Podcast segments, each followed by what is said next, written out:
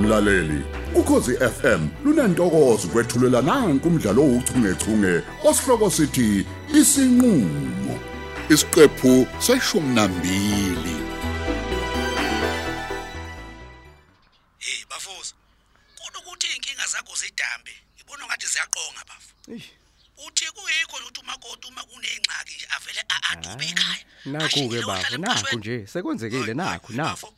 Yingakho nje nami ngithi angikutshela ukuze uyazi inhlalo sengiyihleli lapha ekhaya mina. Ew, hayi, ngezwe bafu. Futhi ngiyabonga Hamza ukuthi ungazise mfoka baba. Mm. Yilo mfazi wakho kodwa engathi ikhona imoya esimngenile bafu. Hey phela uFatima igana kacela. Wenge njena bafu. Mm. Wayengumakoti ozothila. Futhi Impela. enenhlonipho. bafu. Ethanda imali ibhuti, ethanda imali enjalo. Bafu, yilokho azi ngakubona nini. Ngemva kokuthi wena uphelele umsebenzi. Kwakho phela ngeCovid webafu.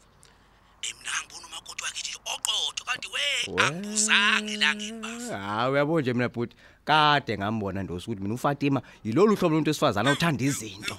Ha kodwa ungaphika ngobani? Ushayela phansi.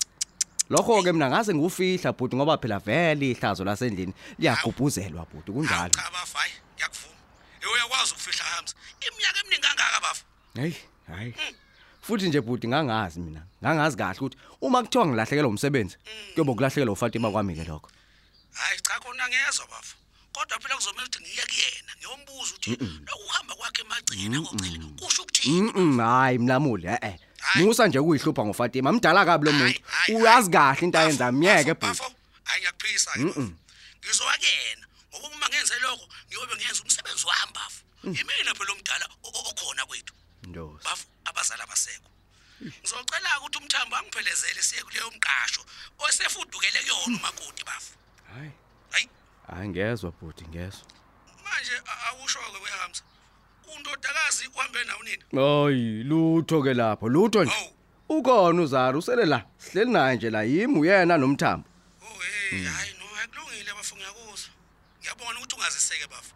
Hayi ake sithintane ke bafu. Okay, ngibonga ukuthi ufone bhuti. Nazo ke nazo nazo kuba fo.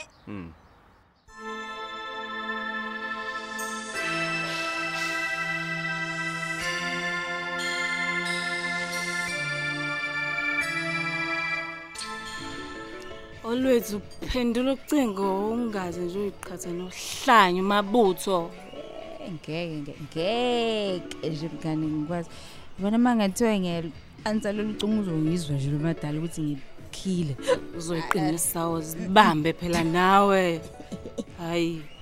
ngeke o ngeke o mi awu- awumphendule umabutho umtshela ukuthi ngisaphumile u- We ngeke ungibone mina. Phendula ucingo lwakho. Hawu, Ufuna wabo sangidlala mfele never. Siphendulela wena uhlanya la. Wazi kahle ukuthi umabutho angizwisile kahle friend. Solokho ashada nje ngathi ngashiphela umzondo wakhe. eyi kodwa nami ngaze ngiyadakwa mngani yo awubheke nje ukuthi baphomisa iphoyisi bakho kade lokhu ukuthi bayeza bayeza dololo always asikhohle lamahuzu Oh, well. okwamanje asidile nesimo sa yazi ngcono sivele sihambe mngani uyongishiya edimba bese nawe uyadodoba usubheke le top heels kude kangaka nje dimba lapho beauty awu hayi hayi Eh, hayi ngeke, bo always ngeke. usudaka ngala ndlela usuhlula nje nawe ushayela imoto eyi kona sekuplakekile o eyi yabona manje awuyibambe phela beauty moto Yeah. siyekade nami ngizobe sengiyihambela-ke sengibheke lapha Oh. kwami U- uthini manje mngani ngayigcina nje nje imoto uyazi ukuthi ngayigcina ngithole license kahle beauty bakithi woza once a driver always a driver hayi ke ilungile ngizoyincela kancane Size sifike kodwa i-top hills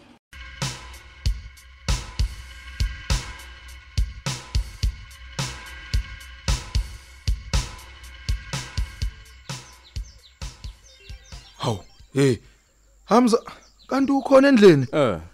Hawu mina bengazi ukuthi uye kuloya mhlangano nje othoza kuona. Eh, uyayazi nje leyo ndaba yepolitiki Mm. loya mhlangano bawuhlehlise last minute ngutshela uhlehlisela usuku lanini kwanathi silasi Hey mame, ayi kodwa ke vele ipolitiki le hey.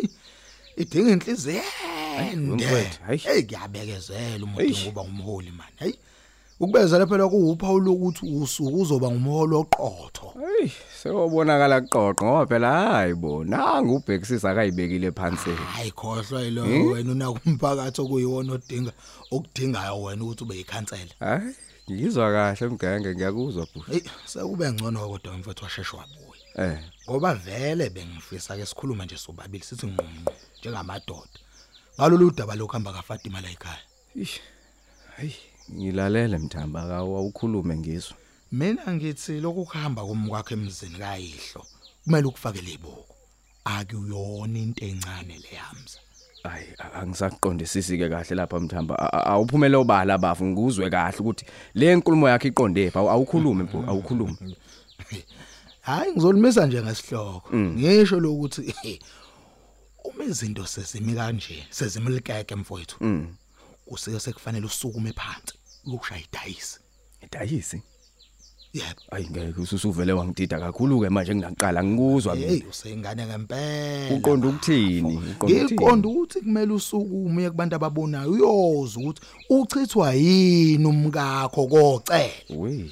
ukhona ke mina umama engimaziyo le maqhosheni umazi kodwa hawa kabhulu ugila We imhlo we yeka yeka kanti usho leyo nto. Hayi ngamani uyeke. Uyabona ukuzwa ngalapho mthambo. Khohlwa yimi khohlwa cha cha. Libala nje yimi. Mina ikhona indoda engiyethembayo mina. ubani lo U Allah. Leyo ndoda ke iyona yazi yonke kwenziwa uFatima kimi. Yiyo ezokhalima uFatima. Hayi mina, hayi wena, hayi umazikode. Ayiyekwe nje leyo.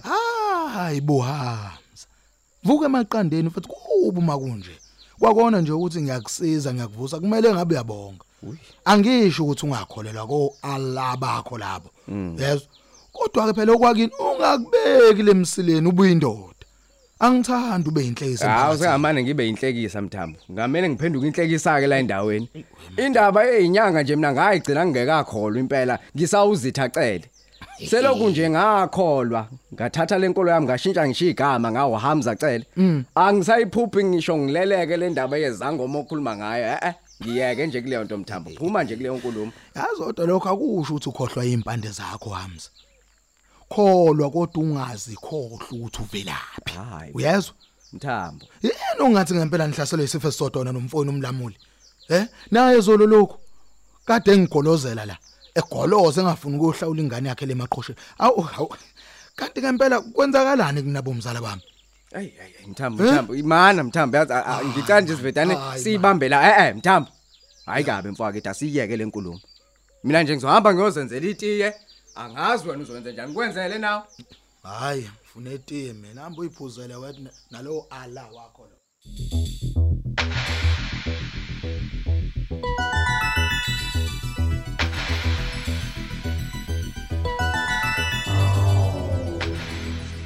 Ngena, ngena Zara ngikubonile mngani. Ngiyabonga mnganami. Yaphinde yabonana oh. Mhm. Ey uzoxola nje ukuthi ngivele ngitheleke ngingasakuthumelelanga ngisho WhatsApp.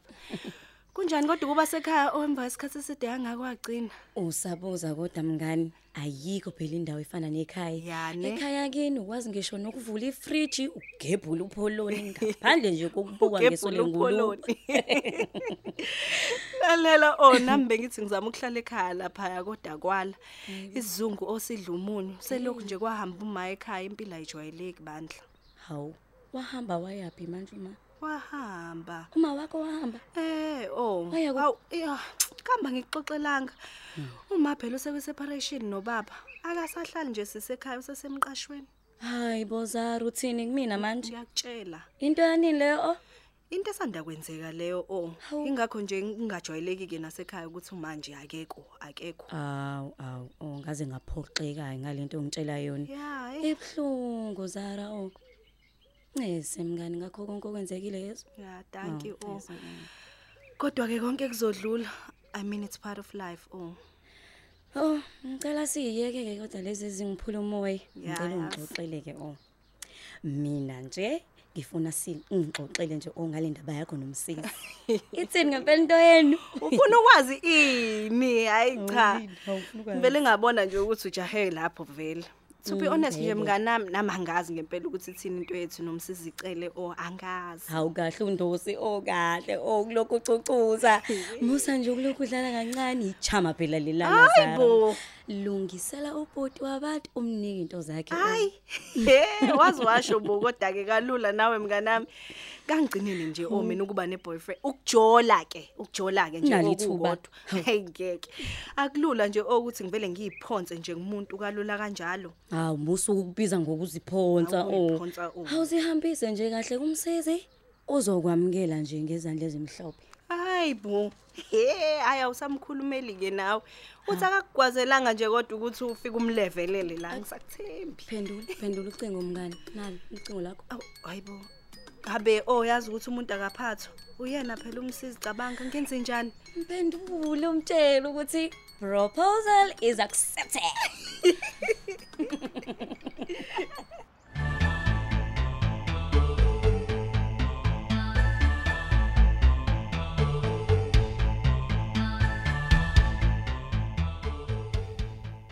Eh hlala khona lapha mntanami. U- Ukahle? yebo malume Hayi, kuhle ke mshanami awu kahle. Awusho ke u- ugcineni nokukhuluma noyihlo. izolo ntambama Hayi, ngiyabona. Lalela ke. Ngifuna ukukwazisa ukuthi ingxoxo zethu nababacele a- asibanga namphumelo thini. Ngaphandle ke kwezithembiso zokuthi bazolisukumela udaba lokuhlawula kwakho. Angithi uyangizwa mshanami.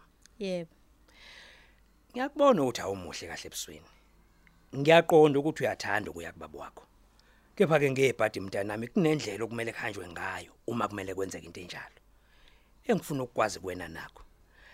Ingabe ufuna ukuyohlala nobaba wakho noma into ekukhathaze kakhulu indaba esikole la? isikole malume Oh hayi kuhle ke makunjalo. Angithi phela ukhona umalumekazi wakho omncane eTop Hills. Ngamanye amazwi ungakwazi ukuthi uyohlala naye. Asikho isidingo sokuthi uziyohlala nobaba wakho. ngiyezwa malume kuhleke umuchazeleka kahle mshana U- kukhona mhlambe othanda ukukubuza la eyi malume mina lento iyangikhathaza manje hayi akumele ikhathaza zothile lento le ngizama ukuyilungisa lenta ngithi mina malume angisazi ukuthi kumele ngenze njani ngoba ngiyathanda ukuba nobaba hawu ithini ngicabanga nokuthi kuyilungelo lami ukuba nomzali wami imake eh, uzama ukuthini kumina azothile ngiyabuza azothile uzama ukuthini ngempela kumina